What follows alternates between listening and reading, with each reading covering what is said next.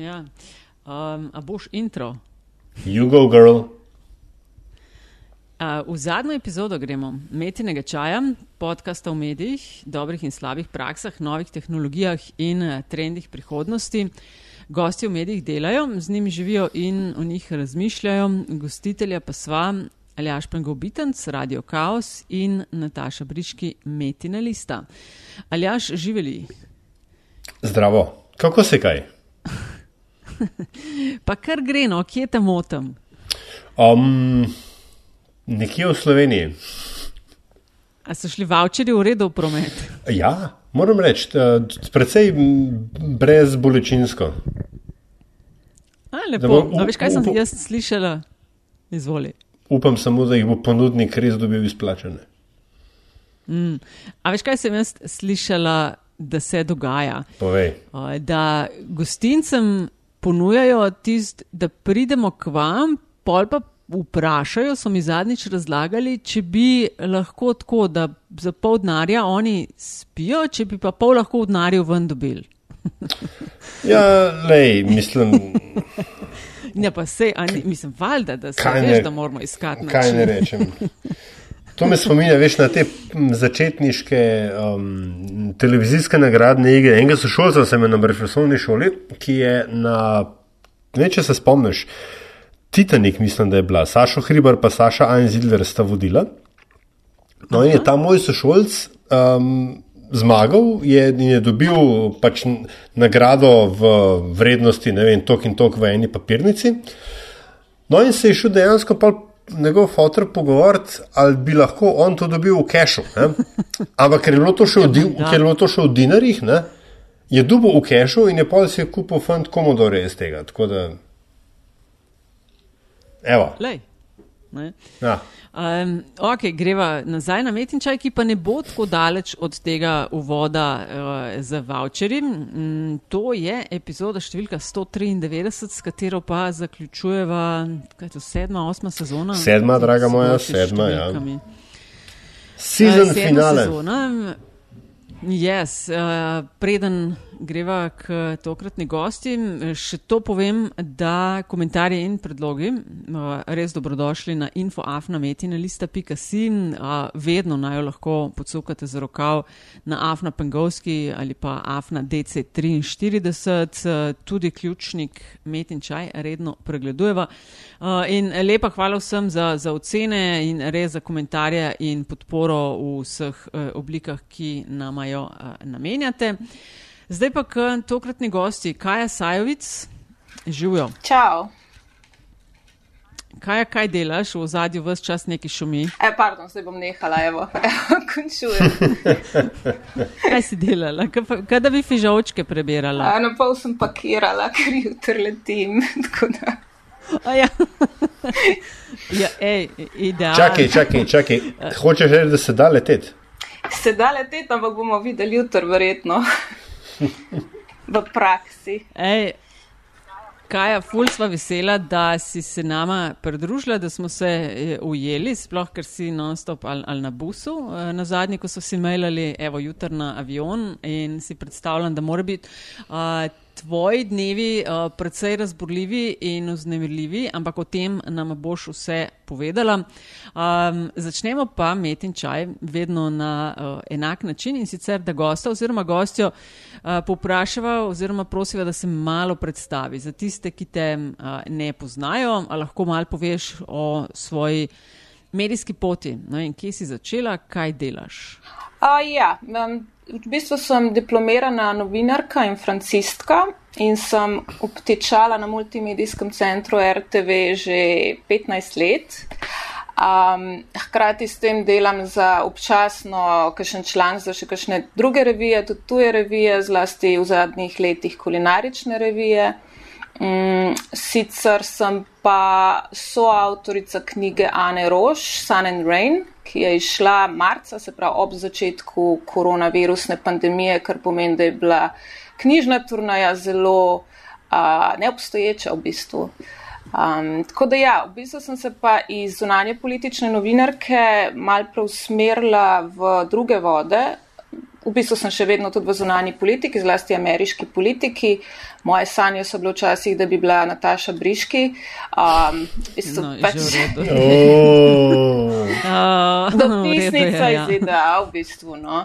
Um, in um, potem, ko to nisem nikakor, um, nisem se niti lotila tega v resnici, um, sem začela delati še druge stvari, zato ker me je vedno zanimalo več stvari. Sem pisala o smučanju nekaj časa, kar nekaj let o glasbi, potem pa v zadnjih osmih letih pa zelo intenzivno pokrivam gastronomsko pa turistično sceno.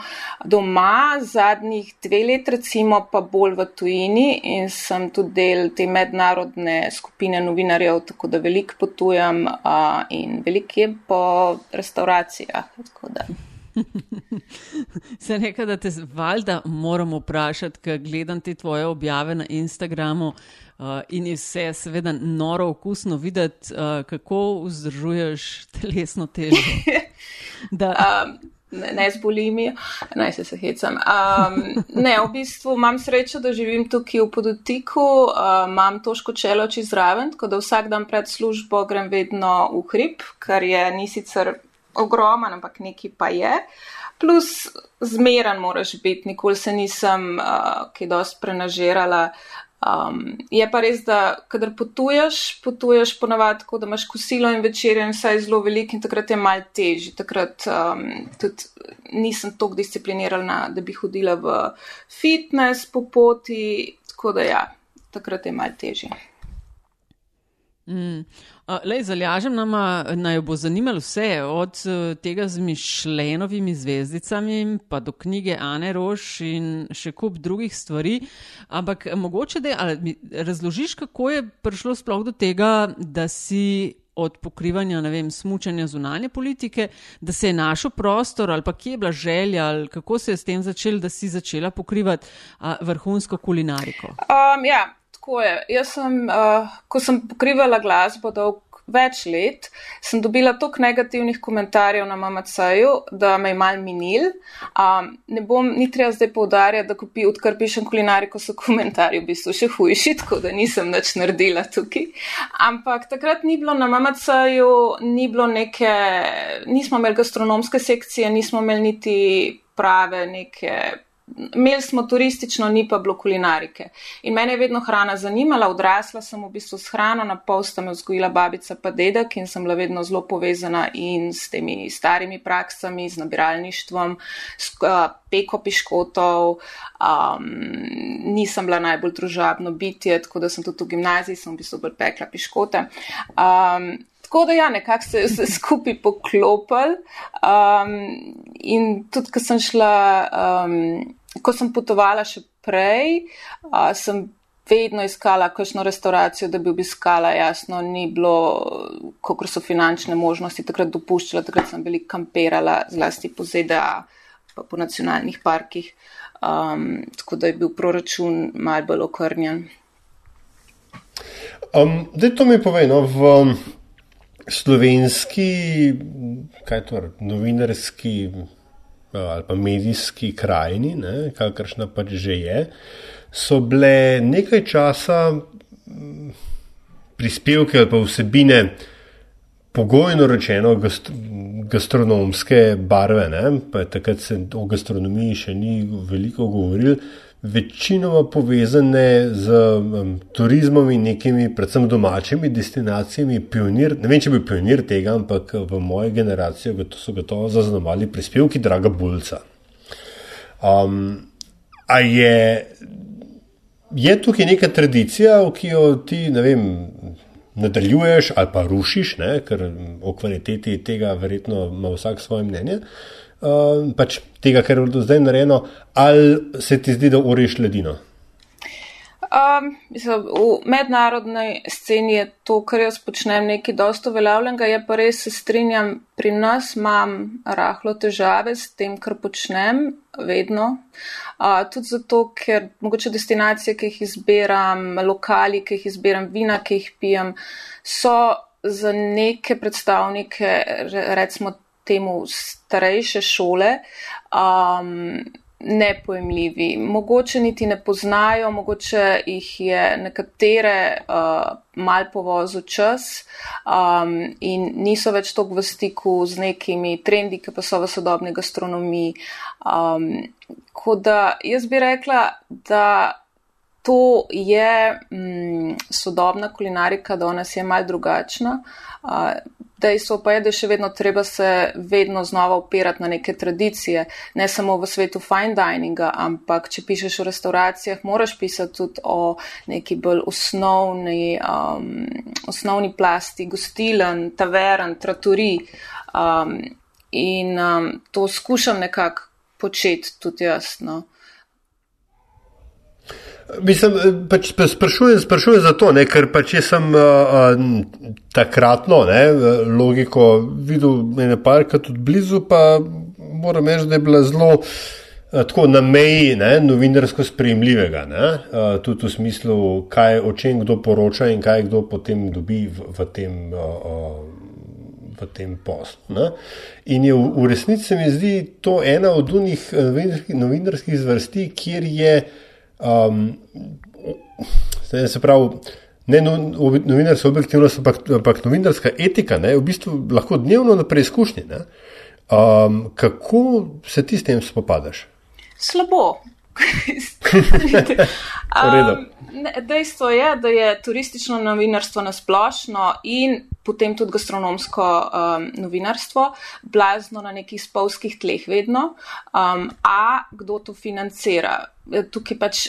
Jaz sem se s tem vse spopadam vsakodnevno, uh, kot rečeno, ne vedno najboljš, uh, zato ker je težko razložiti včasih. Um, imamo Pri nas je tako, um, lifestyle novinarstvo na splošno je na spolskem terenu, ampak nekako nimamo problemov, uh, ko pišemo o avtomobilizmu, ko preizkušamo najnovejši model avtomobila, ki stane 40 tisoč evrov, recimo. Nimamo problema poročati, da je Tina Maza izdala um, novo kolekcijo za zlatarno celje. Uh, ko pa prija do gastronomskega turizma, se pa tukaj zatakne nekako. Vsi hočejo vedeti, kdo je to kriv stroške, a je RTV krila, če RTV ni krila, kdo je potem kriv. Ljudem je še vedno nepojemljivo, da ljudje, kot smo mi, recimo, potujemo prav zaradi kulinaričnih vzgibov, da pač na mest, da ne vem, si kupaš drag avto, uh, uložiš to v neko restauracijsko izkušnjo in na koncu je to, ne vem, 200 evrov in s tem imajo ljudje. Velike težave, nima pa težave plačati 40 tisoč za avto, recimo.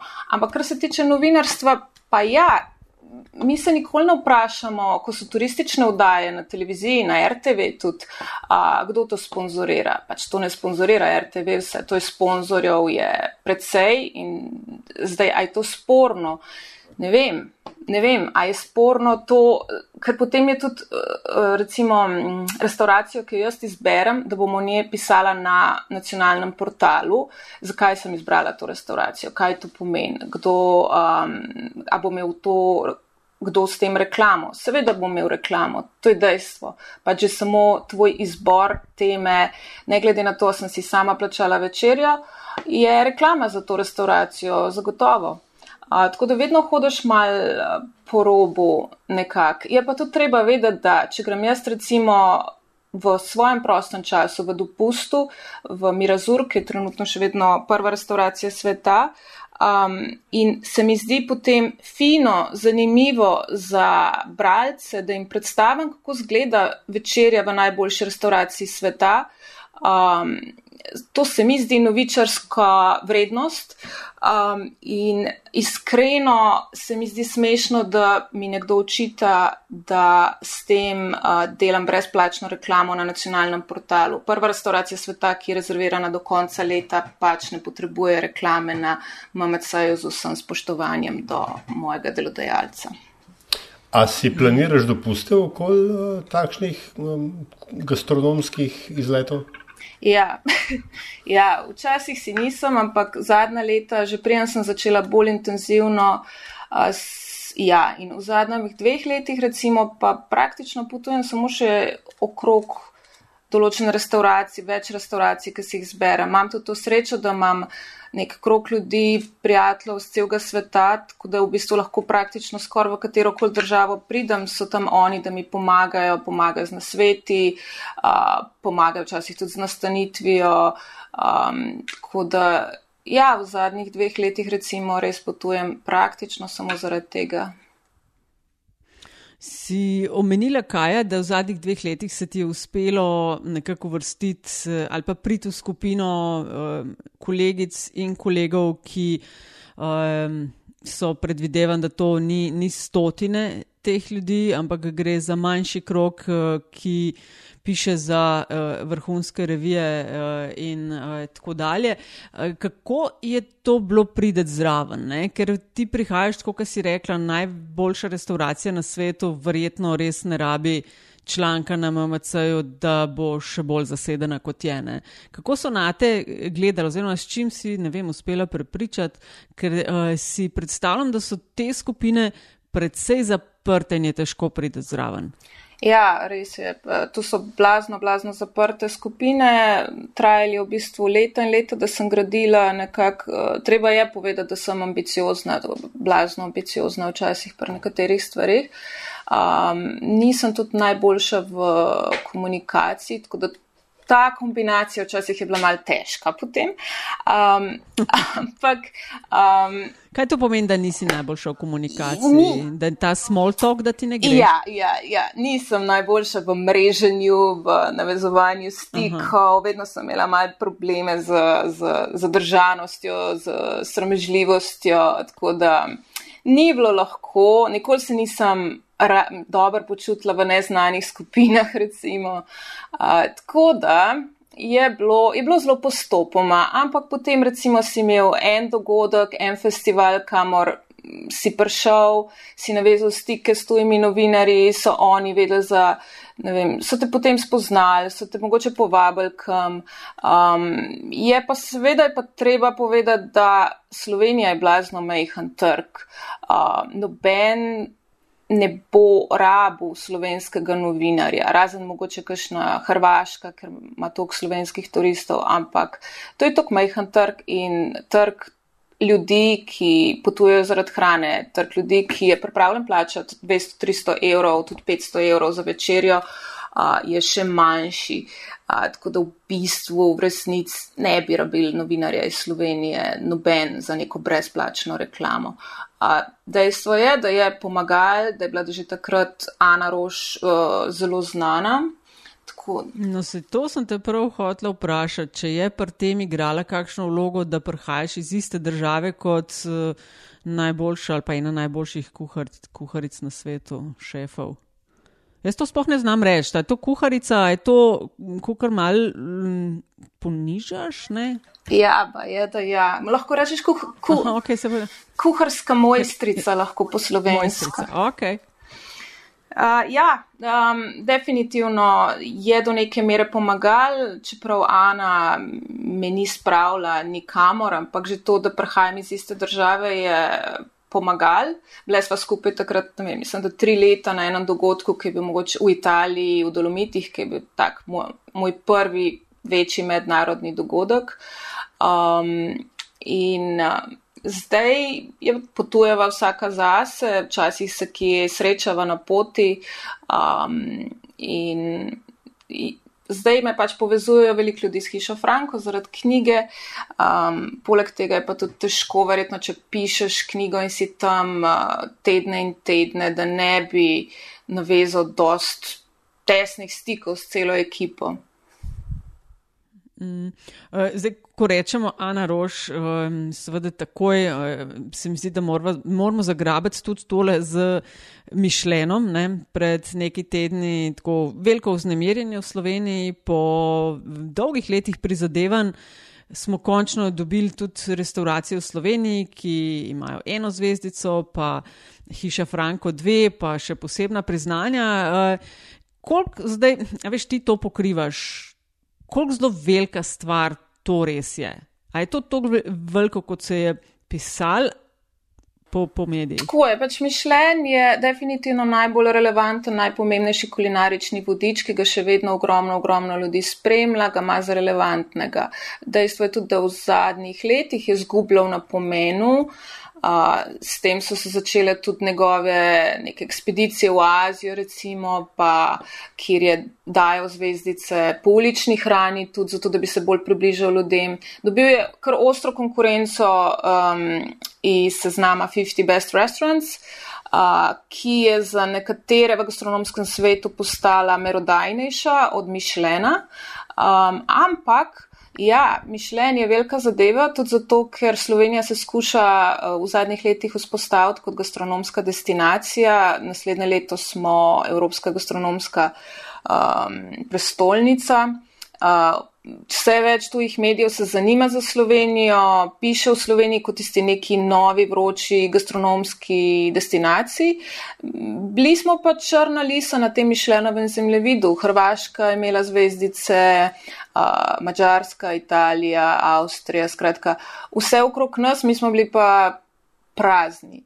In um, ja, mišljenje je taka dolga zgodba za Slovenijo.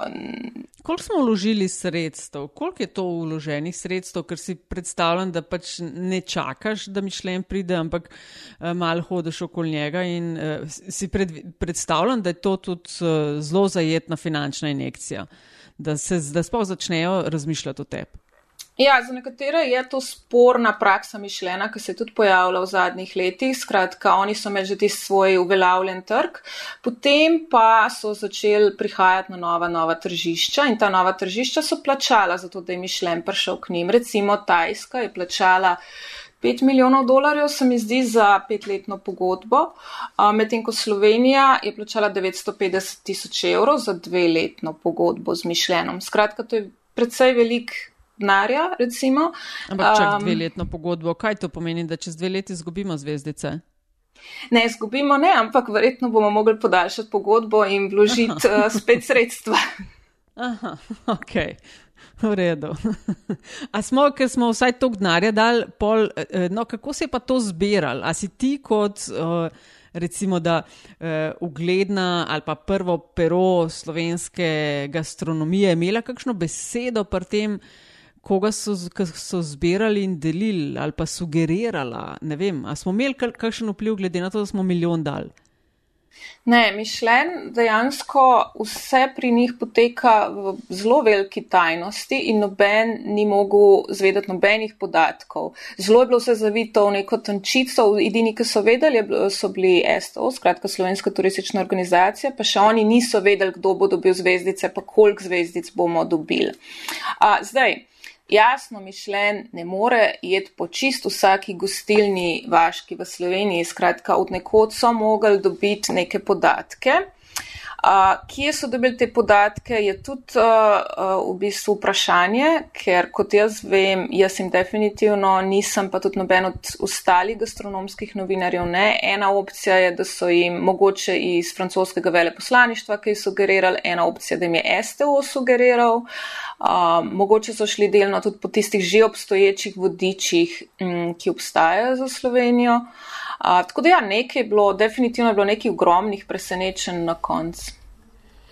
Um, to mi povej, um, zapravi, zdaj ne vem, če, če veš, ampak verjetno si človek, eh, edini človek, ki ga zdaj pogojno rečeno poznam, ki ga lahko to vprašam. Kako taka ocenjevanja izgledajo? A je, to, a je to tako, kot je bilo v tisti serijalki življenja Tomaža Majerja, ker eh, vem, načeloma veš, da te bodo ocenili, ne, ti kot oštir ampak potem ne veš, kdo to v resnici je in ne, tako dalje. Ali je to bolj, še bolj skrivnostno ali bolj nekako očitno, da so ravno mišljeni inšpektori prišli v tvoj prehrambeni obrat delati oceno.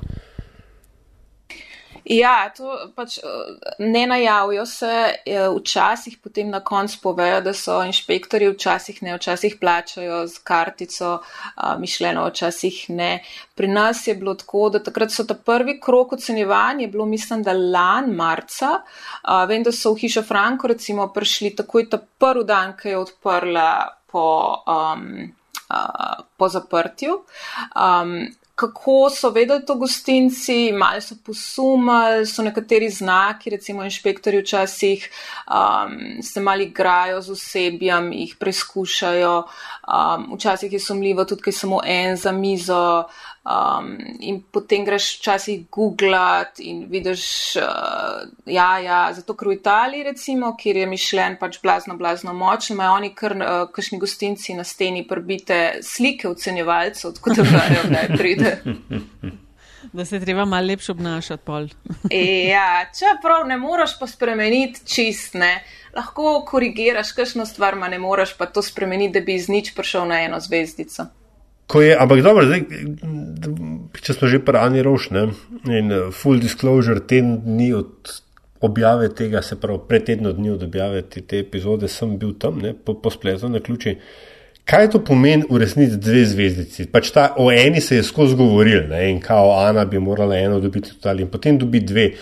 Kuk je to kakovostni razred preskoka, glede na eno in glede na siceršno mm, rezultat ali pa ponudbo v Sloveniji?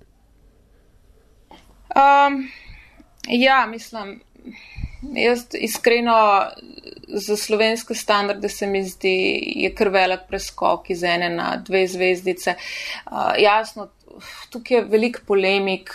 Recimo, ena najboljših restauracij, ki sem bila, imajo samo eno zvezdico, konkretno v Italiji, Lido Tanta Quattro na Lago di Garda, priporočam vsakmu. Zelo je pocen za mišljenske standarde in za standarde takih restauracij. Med vsemi temi krogi je ena najbolj priljubljenih restauracij. Za meni, meni uh, stane, mislim, da tam 80 evrov. Um, in oni imajo eno zvezdico. Noben v Italiji ne ve, zakaj nimajo dveh zvezdic, ker je restauracija za dve zvezdice, tako da včasih ne moreš čist dobro vedeti. Da se pa vrnem nazaj k vprašanju. Uh, za hišo Franko dve zvezdice, recimo konkretno, se mi zdi najbolj to pomen, da je mogoče uh, Ana Rož dobila neko zadoščenje ker se je mogla skozi dokazovati v slovenskem prostoru stalno z seznami, z ocenami.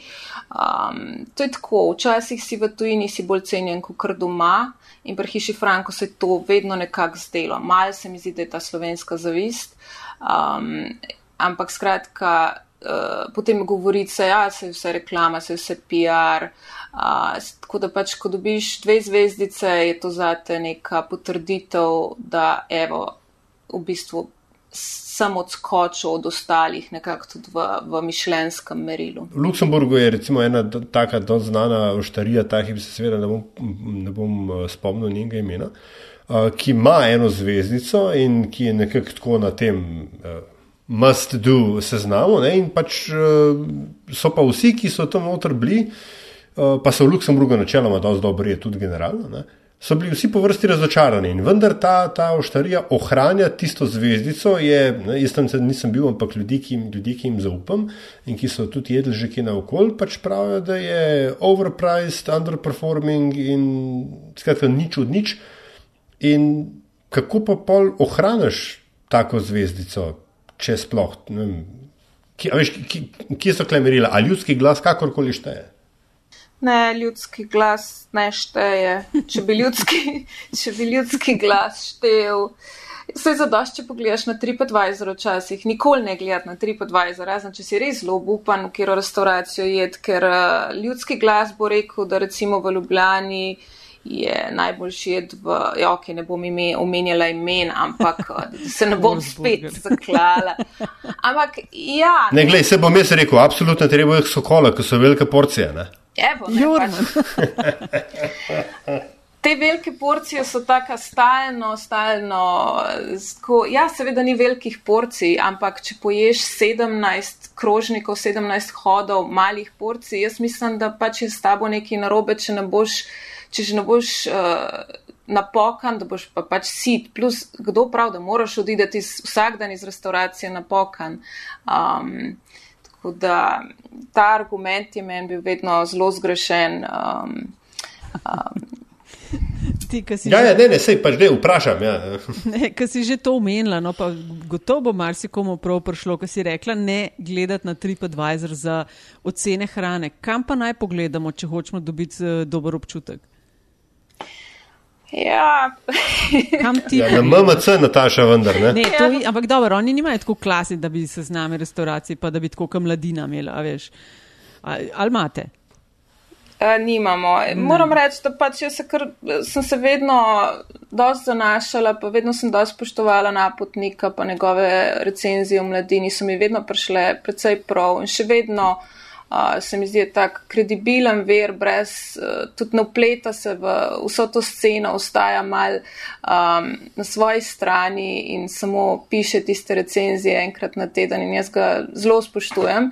Um, Kar se pa tiče ostalih, ja, jaz bom imela verjetno pripombo za vsak seznam, za vsak vodič, uh, vedno me neki zmot. Um, se Skratka, pač- hočeš reči, da boš kmalo naredila svojo aplikacijo z ocenami. ja, mislim, se lahko ljudje mene vprašajo, če hočejo, kam grejo. Je pa dejstvo, da okusi so različni. Tako da to je zelo težko. Jaz najprej vprašam vedno ljudi, ki me sprašujejo, kakšen je tvoj okus za vina. Imaš rad bolj konvencionalna vina, bolj sonaravna, bolj divja vina in potem jim lahko naredim seznam glede na njihove želje, preference. Uh, če imaš ti rad mogoče neko zelo klasično fine dining, mogoče ti hiša Franko ne bo všeč, zato se jaz ne upam glih kar vsakega človeka pošiljati v hišo Franko, ker uh, moraš imeti, po mojem, mečken bolj avantgarden okus uh, za hišo Franko, recimo.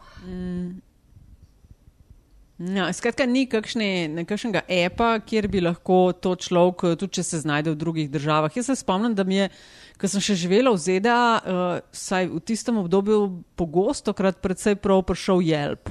Ne vem, ga ne uporabljam zdaj že nekaj časa, tako da ne vem, če je še kaj od njega, ampak eh, ni, praviš, ni enega tacga dost v redu. Ma, niti ne, mislim, za Slovenijo stoprocentno ne, po svetu so pa tudi so sicer neke aplikacije, pa tako, ampak dejstvo je, da jaz se najbolj zanašam, vem, da to ni glih za priporočila vsakmu poslušalcu, ampak jaz se najbolj zanašam na ta svoj krok novinarjev a, in kot rečeno, ponavadi me ne razočarajo. A, je pa jasno, da priznam, da imam srečo v tem. To sem te še hotla prej vprašati, no, ker sta eh, govorila o hiši Franko in Ani Roš, pa je v Sloveniji eh, res. Uh, meni se zdi, da, da se da v Sloveniji dobro jesti in da imamo zelo, zelo dobro hrano in vrhunske šefe. In kle pridem do vprašanja. Pred uh, nekaj tedni sem gledala dokumentarc na TV Slovenija in je bil o kuharskih mojstricah. Ne? Uh, zdaj, meni se dozdeva tako, da do, do par desetletij nazaj, da so samo ženske kuhale, pa se je naenkrat sam o moških govorilo kot o šefih in nikjer nobene ženske, in pol pride Ana Roš in, in pohara ne, ne Slovenijo, sam pa Evropo, pohara svet.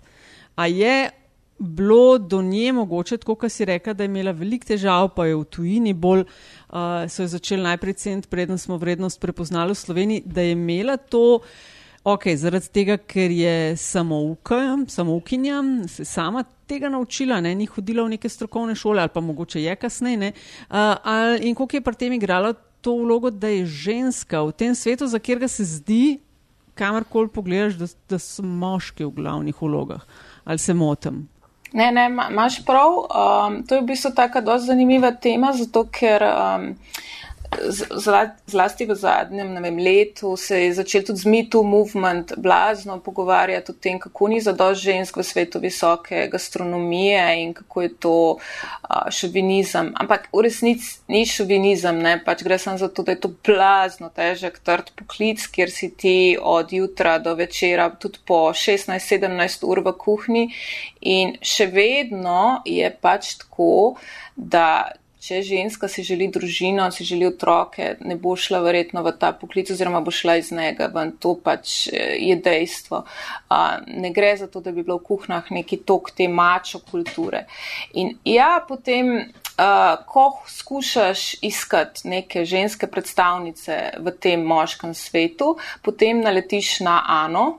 Um, takrat, ko so oni odkrili uh, in so povabili, to je bilo, mislim, da okrog leta 2013, neki tazga ali mogoče celo prej, so jo povabili na en dogodek uh, na Polskem in ona je bila edina od blazno slavnih moških šefov, je bila edina ženska, tam je bil René Redzepi, Magnus Nilsson um, in jasno izstopaš in kukar uh, si po eni strani misliš, da si diskriminiran kot ženska, imaš pa prednost uh, v tem svetu mal, zato ker izstopaš. Glik zato, ker iščejo ženske predstavnice, da ne bi izpadel to tako zelo moški mačo svet. Da s tem imela mal srečo. Um, je pa dejstvo, da če ti ne znaš kuhati, če nisi nekaj posebnega, ne boš uspel to, kar je ona uspela. In ona ima mm, to ne kopira. Prav zato, ker je samoukinja, je razvila nek tak dosamo svoj stil, ki je pa vedno vezan na to dolino, soče, to krasno, krasno dolino, ki ima cel kup tradicij, ki jih mogoče niti v Sloveniji ne poznamo. Uh, in ja, je ljudi je navdušila, navdušila jih je tudi uh, zato, svojo promocijo Slovenije, ko je bilo na Netflixu takrat 2016, uh, Chef's um, Table, uh, od takrat američani derajo v posočje. Um, to je tudi moč Netflixa, pa Chef's Table. Ti, kako si sama si prej na začetku omenila, da je ali pokrivanje, ali da se je gastronomija, seveda, normalno spremenila od tistih časov, ali pa mogoče tiste garde novinarjev, ki je to v nekih oblikah spremljala uh, prej, ali ja še omenil uh, gospoda Bulca. Uh, kaj si s tem imela v mislih, kaj se je spremenil, kaj, kaj je zelo drugače? Uh, se, sama gastronomska scena v Sloveniji se je definitivno spremenila, ampak uh, tudi način pokrivanja novinarskega se je spremenil, ne? ker uh, mislim, da so bili včasih novinari dosti bolj vezani na nek ta naš prostor, ali je to prostor uh, bivše Jugoslavije, ali je to malce zmejo v Italijo, malce zmejo v Avstrijo. Um, problem, mal problem naših novinarjev včasih je, da premalo potujejo. Meni se zdi, da je zelo težko ti pišeš o novi, ne vem, vietnamski restauraciji v Ljubljani, če ti nisi bil v Vietnamu in nimaš potem za primerjati, a je ta fo res tako, kot bi mogel biti. Um, Verjamem pa pač, da potovanja so nekaj, v kar moraš vložiti ogromnega lastnega časa in denarja zlasti. In eni eni postavijo druge prioritete, recimo. Eni tudi so obstali v času, ko so bile nekatere restauracije po svetu blazno znane, ki pa zdaj trenutno niso več. Um, in če ti te scene stalno naspremljaš, um, boš mal zaspal. Mm. Kakšni pa so trendi v svetu glede pokrivanja kulinarike? Kaj je in, a, a, če sem prav to rekla, sploh vprašala? Ja, ja no, tako. Um, časi tiste klasičnega fine dininga, francoski stil kulinarike, se pravi beli prti, uh, kaviar, lestenci, vse te klišeji, ki jih hočeš, uh, so. Ne bom rekla čist minil, ampak so predvsej v zatonu. Um, v zadnjem času, v zadnjih letih se bolj išče lokalno, Um, celo mikrolokalno, sezonsko. Trajnost je pač izraz, ki se ga uporablja in zlorablja včasih v nedogled. Um, ekološkost je ratala blazno pomembna. Um, skratka, šefi, ki imajo svoje vrtove, uh, ki črpajo iz okolja, iz tradicij. Um, to je postalo tisto, kar ljudi navdušuje. Hkrati so se pa če dalje bolj odmikajo od tistega, da bi mogel imeti uh, to, kar si mi predstavljamo pod klasični, uh, klasična visoka kulinarika, bele rokavičke. Um, ti vozički za vsak hod. Veliko novinarjev, ki jih poznam, gastronomskih, veliko šefov tudi, ki jih poznam, najbolj cenijo minimalizem, preproste, kakšne tratorije, tratorije, ki kuhajo, ok, zdaj uporabljam skozi te italijanske, ampak um, skratka, take zelo lokalne, pristne, um, nazaj smo šli v v nek mal bolj prvinski stil kuhanja, um, če se lahko temu tako rečem.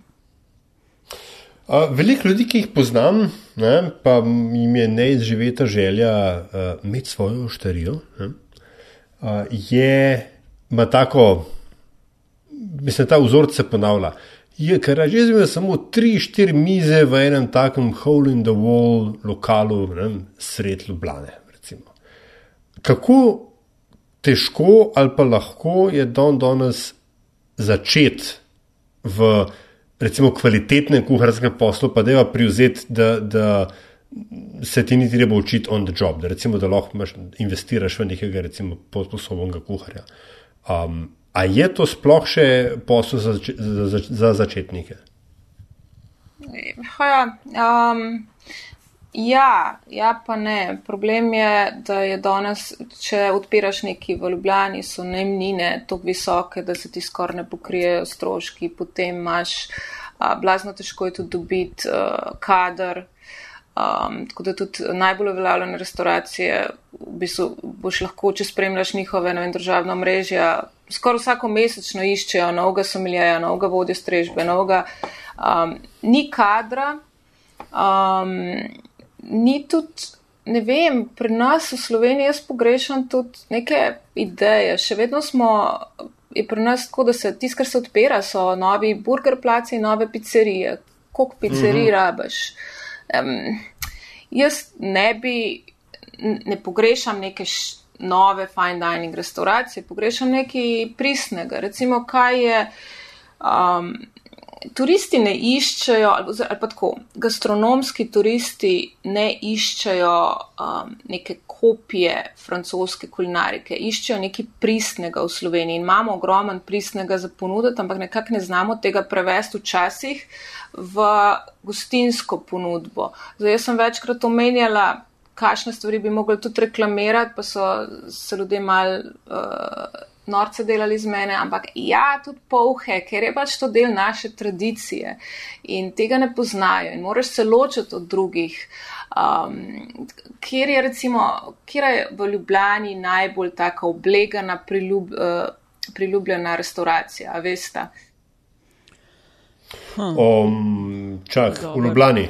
Cenovni rang? Ja, ma sreden, ja vse. Ampak tako, kam, kje je najtežje dobiti mizo praktično v Ljubljani?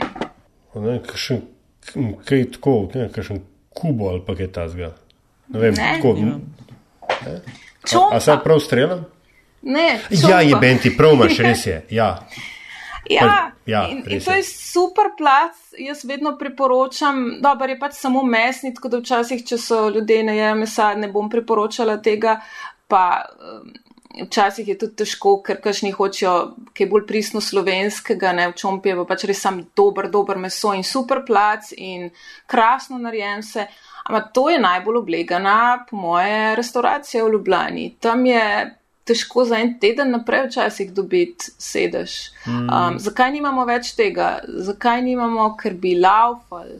Uh, v Kobaridu, če že pač omenjamo hišo Franko, je hiša Polonka nekaj tasga, ki je hit, tako pri gastronomskih novinarjih, kot pri domačinih, kot pri turistih, kar je redkost, da bi se poklopili vse. Zakaj nimamo več takih restauracij? Skratka, restauracij, v, ki ponujajo fajn vinsko listo, fajn kraft piva in pa neke tradicionalne jedi v malj bolj moderni preobleki. Um, tako da ne vem, pogrešam to predvsem v Sloveniji se mi zdi, da z, z temi mlajšimi kuharskimi mojstri, da počasi to prihaja. No. Um, Dobro, ti to valjda ful obvladaš, ampak jaz imam res občutek, pa nisem v tem to, kaj ti, da.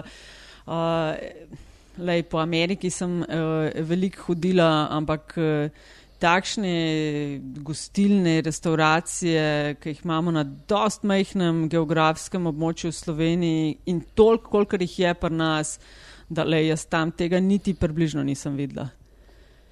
Ja, se strinjam, se strinjam. Pač eh, dejansko lahko najdeš, verjetno skoraj v vsakem delu Slovenije, so kašne sicer črne lise, ampak uh, lahko najdeš pač krasne zadeve, od fine dininga do takih bolj preprostih, pa kmečkih turizmov, tako da imamo ogromen potencijala. Um, jaz bi mogoče samo rada, da bi se mal bolj izpostavljali. Take, ki so pristne restauracije, mm. ki res gradijo mm. na neki te slovenskem izročilu in da bi končno ljudem stopili v glavo, da ne rabimo uh, uvažati nekih tujih surovin, ne rabimo, ne rabiš imeti v fine diningu v Ljubljani um, jastoga iz ne vem kje prnešenga, ne rabiš. Um, in tudi tujci ne iščejo tega v resnici večina. Ja, ja. Ne, se, če sama sebe pogledam, ko potujem okol, kamorkoli grem, hočem nekaj uh, in lokalnega, in da fajn zgleda, da je inovativno, prijazno do okolja in tako dalje. To, da, ja. uh, drugač pa bi rada pohvalila, kaj je tvoj Instagram, ga zelo uh, z veseljem spremljam že, že vrsto let in uh, ti zavidam vsak, mislim, vsake, ob vsaki objavi, o, mater fajn, pa gre na seznamček, če se znajdem tam, da mogoče mi skočim pogledat, kako je. Uh, a si se to tudi kje učila ali si kakšne tečaje dala čez, kako hrano fotkat ali pa te rezorte in hotele in kamor hodaš? Ja, kar je najbolj smešen, jaz sem se po moje najdlje upirala Instagramu, jaz nisem hotla, jaz sem take zelo stare šole, tudi recimo pišem v beležko stvari, uh, imam notesnik, papirnati obliki.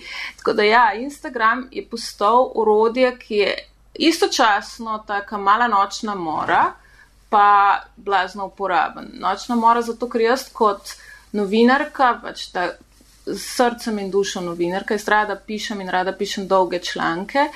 Instagram je nekako um, ubil na pol novinarstvo, tudi gastronomsko novinarstvo.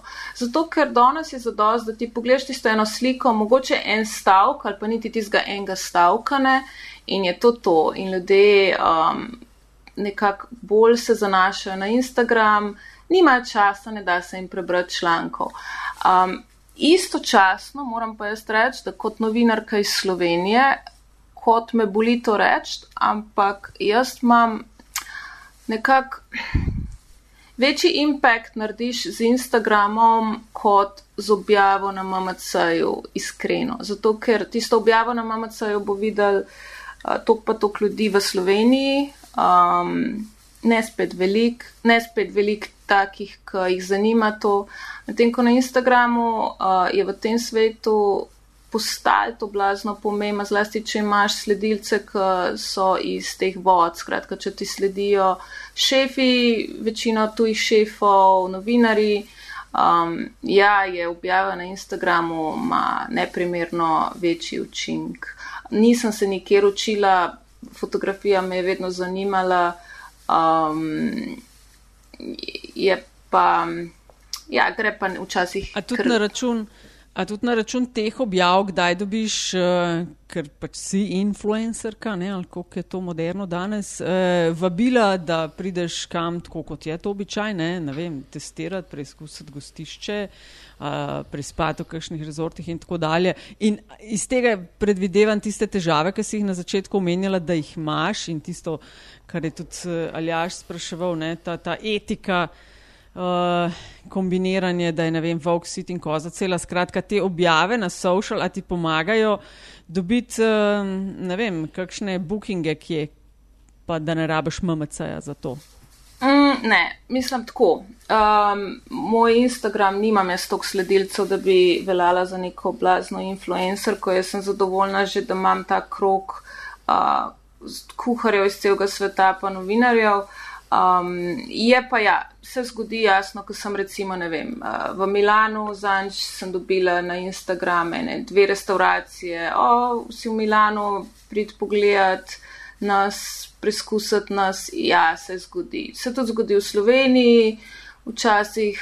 Um, jaz se mal izogibam takim zadevam, um, zato ker res, kljub temu, da je to težko včasih za zunani svet, uh, nikoli ne boš ti vedel, kaj počnem jaz, nikoli.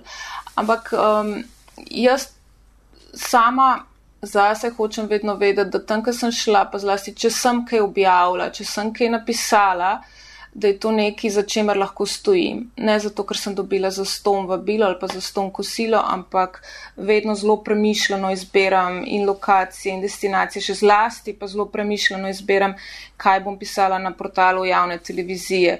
Zato izbiram izključno zadeve, ki se mi zdijo, da so nekako zanimive za slovenskega bralca um, da se lahko z njimi nekako ali poistoveti, ali mogoče najde nek navdih, kako bi lahko v Sloveniji na podoben način kakšno stvar naredili. Ali pa če je to najboljša restauracija sveta, ker se mi zdi, da je zanimiv za uh, širšo javnost, da prebere, kako to zgleda. In ja, tudi rezorti, če sem bila v nekem rezortu, Uh, ki velja za luksuzni rezort, se mi zdi zanimivo opisati to doživetje. Tako, kar bom verjetno opisala jutr, ko bom letela, uh, kako zgleda leteti v času korone. Ne zato, ker bi bilo tukaj v zadnji kakšne neke skrite moje mahinacije, ampak sem zato, ker skozi razmišljam, kaj je zanimiv za nekega slovenskega povprečnega bralca. Mm, ja, da snemamo prav, a začenjaš poletni dopust, greš tudi ti na uh, predah med sezono. ne, grem sem za šest dni, grem v Baskijo. Um, Um, v bistvu je zelo, nimam niti načrtov, prav zelo velik, samo v Baski imam zelo rada, se vračam, um, imam rada hrano, imam rada ljudi tam, so mal posebni, um, rada imam to neko melanholijo baskovsko. Um, in tokrat dejansko mislim, da celo ja, grem. Brez nekih blazno velikih načrtov, seveda grem v ene dve restauracije, ampak v bistvu sem pa hotla, v bistvu sem pa hotla, ne vem, uh, čist sam mečkam se oddaha, pa sprostiti nekam, kar zelo rada grem. In po vsej te dolgi časi korone, ja, bo to moj prvi let, ni pa glih čisto prvi zlet, ker sem takoj, ko so se meje odprle, sem šla že v Italijo jesti. Aha, si kar pičila lepo v epicenter. Prvi dan v Lombardijo, evo, priznam. Aha. Wow, ja, gatsi. Ja. gatsi. ja, ja, in tudi zdaj sem bila spet v Lombardiji, tako da ne vem, zakaj je ta Lombardija tako. Ej, kako se pa še preden gremo aljaž, na zanimivost, mogoče bi se sam to vprašal, če se da na kratko. Ta COVID-19 spreminja, mislim, se mi zdi svet, marsikatero industrijo in področje, tudi turizem. Kako? Kje bo turizem čez pet let? Ja, to, to je tako. To, ta korona je bila za, zlasti za gastronomsko industrijo, za restauracije, bila, mislim, da se ljudje ne zavedajo pri nas, koliko zelo pogubna. Mogoče v Sloveniji se tega ni toliko čutil, um, um, zato tudi delno, ker je tudi vlada je dost v redu pomagala restauracijam v tistem času. Um, ampak druge po svetu, zlasti v Ameriki, po nekih ocenah, bo propadal, je propadal uh, tudi dve tretjini restauracij. Um, tako, zlasti takih manjših, uh, bolj butičnih. Um, tako da, ja, zelo slabo. Pri nas, recimo, um, najbolj trpijo tiste restauracije še vedno, ki so zelo odvisne od tujih gostov. Um, ljudje mislijo, da se ti lahko kar spremeniš in obrneš bolj v lokalno publiko, to ni tako zelo lahko. Potem je to vsakodnevno spreminjanje, kje meje lahko so odprte, kje niso, kje lahko grejo. Uh, konkreten primer, uh, debeluh, ki je v Brežicah, um, je on je zelo odvisen od hrvaških gostov iz Zagreba. S tem, ko so kar naenkrat Hrvati ratali pri nas uh, nezaželeni, ne nezaželeni, ampak uh, pač na oranžnem seznamu, um, se je število rezervacij pač upadalo na ne vem koliko, ampak ogromen, ogromen, iz danes na jutr. Uh, hiša Franko recimo je blazno odvisna 90-95% od tujih gostov in veliko tega američanov in ti imaš rezervacije in na papirju si poln, ampak to je samo na papirju, ker kdaj bojo američani lahko leteli sem kdo ve. Um, skratka, te restauracije, ki so bile malo bolj odvisne od tujih gostov, še vedno blazno trpijo. Um, isto po svetu, um, ti imaš neke najbolj znane restauracije sveta, ki so na prvem, drugem, četrtem, petem, na pamet govorim, uh, mestu seznama 50 najboljših. So restauracije, ki so zelo, zelo uperjene v mednarodni trg. In trenutno nikjer po svetu praktično ni tega mednarodnega turizma. Um, skoraj noben ne leti, skoraj noben se ne upa leteti, ali zaradi korona, ali zaradi vseh um, problemov, ki pridejo s tem. Uh, recimo, veliko mojih italijanskih kolegov, novinarjev, se je odločili, da letos bo pač preprost v Italiji raziskovali Italijo, kar ni najslabši um, kraj za raziskovati. Ampak ja, in tudi zato, recimo, ne vem, Noma um, se je, ki je ena najboljših restauracij na svetu že dolga leta, se je takoj po odprtju so so šli v burgerje in so en mesec stregali samo burgerje in so bili blazno velik hit, noma iz tistega menija za 500 evrov, zdaj streže burgerje. Um, Mal smešen, ampak po drugi strani je bilo pa marketinško zelo uspešno, so bile dolge vrste vsak dan, ampak to si ti lahko prvo še v Kopenhagnu. Ne moreš pa ti tega izvajati v Kobaridu ali pa v Brežicah. Ne bo šlo, ne. Mm, mm. Um, Aljaš, Um, Zvolite. Kakšno po mojem smo kar urejeno, ko se obdelali. Ne, ne, mislim da, gremo, mislim, da gremo lahko na zanimivost, čeprav uh, po mojem je mini vprašanj, ki bi jih lahko obdelali še zelo dolg. Bi ja. imel veliko hodov, a sem dobro to zapeljal. To je zelo imenitno. Kaj je no, lej, zadnja točka dnevnega reda, pa je v metinem čaju, da gost oziroma gostja z nami deli neko zanimivost, to je lahko vem, zgodba, priporočilo, nasvet, anekdota, karkoli, lahko je povezano s tvojo profesionalno kariero, lahko ni, to presodiš ti sama, tako da, ampak eh, nekako da.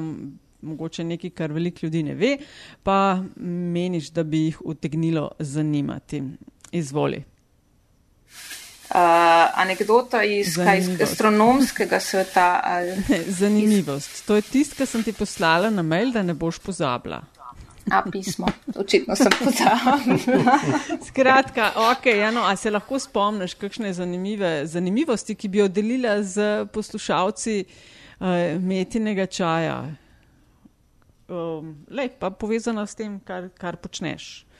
Če pa ni, pa ni, lej, je bilo že uh, toliko hodov. Saj, Nataša hoče reči, da nam moraš povedati nekaj, česar ne vemo. Lahko je to povezano s tvojim profesionalnim ali pa um, prostočasnim življenjem. Nekaj, kar bo naše življenje naredilo boljše. ne vem, lahko recimo, lahko povem, zakaj. Uh, Zakaj me je Ana Roš izbrala delno, za, da pišem njeno knjigo? Um, tudi če njo vprašate, uh, Um, zakaj od vseh kulinaričnih novinarjev, recimo mene? Um, ja. No, da je povedano. Zato, ker uh, v bistvu imam, vedno imam en cel kup takih uh, neposrečenih prigod. Skratka, skoraj vsega, kar se lotam, gre ponovati neki narobe. Um, tako da recimo, ne vem, po mojem sem ena redkih oseb, ki je rad v Benetkah, v Beneški kanal past. O, um, bravo. Um, in skoraj vsako stvar se neki zalom, pa neki zahakla. Tako da potem um, je to vir neskončnih anegdot in prigod, kar se tiče mene. Um, tako da ja, nisem glih vedno najbolj, um, kako bi temu rekel, nisem glih konvencionalna, no, kar se tega tiče. Skratka, kamero je treba imeti skozi na on, pa fotoaparat blizu. Kar, Ker se zna zgoditi, da se zanimive scene dobijo. Um. Ja, pa recimo, ne vem, gips sem dobila nogo, sem si zlomila, ko sem enkrat, ko, sem, ko je bil Bill Murray v Ljubljani, pa, sem, pa je bil dogodek z vodko in ja, je bilo povezano z alkoholom, ne bom glih tajila, ampak. Um, to, evo, to.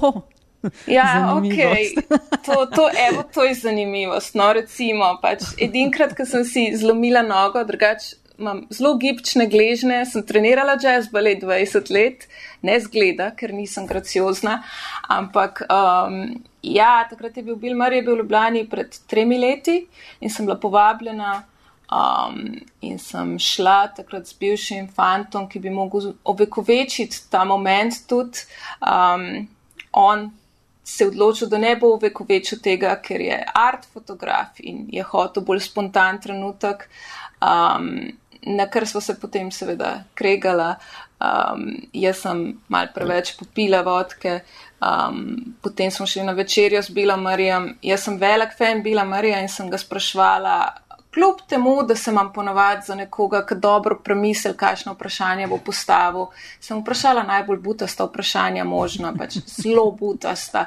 Um, tako da na neki točki pač je bil Mari rekel, prosim te, pač nehi govoriti, samo pi. Um, uh, in na koncu, ker res nisem več vedela, kako, kako pač navezati ta stik. In sem vedela, pač, da Bill Murray ima zelo rad vem, lepe ženske in sem omenila, da ima moj bratran striptis klub. In sem mislila, da bo to prebil oh. led. Ni prebil ledu, Bill Murray je vstal in šel. Um, in jaz sem potem posledično sem se spomnila, da bi mogla biti v žiri za ocenjevanje najboljših koktejlov v Ljubljani. Um, in sem prišla tja in sem zamudila celo ocenjevanje, um, ampak uh, je bil organizator, vsaj zgledu je vesel, da sem se sploh prikazala in mi je dal en koktejl.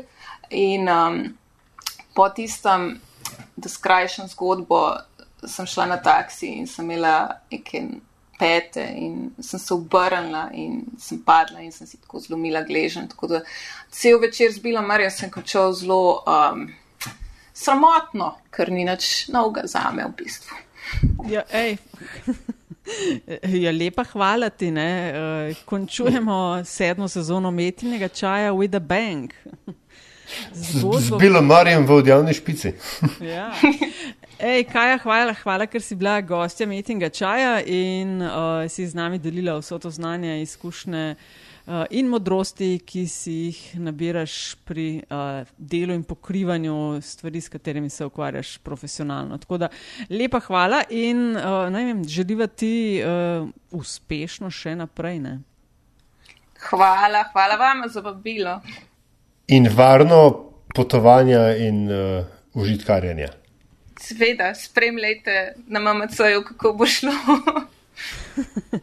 Eh, tako in mi dva zalažem, kličeva še dodaten hvala uh, vsem, ki ste naju in nas spremljali v sedmi sezoni. Um, na spletni strani Metina lista najdete vse epizode pod zavihkom Metin čaj. Uh, hvala za deljenje. Če um, se vam zdi, da smo kaj zanimivega povedali, bova zelo vesela.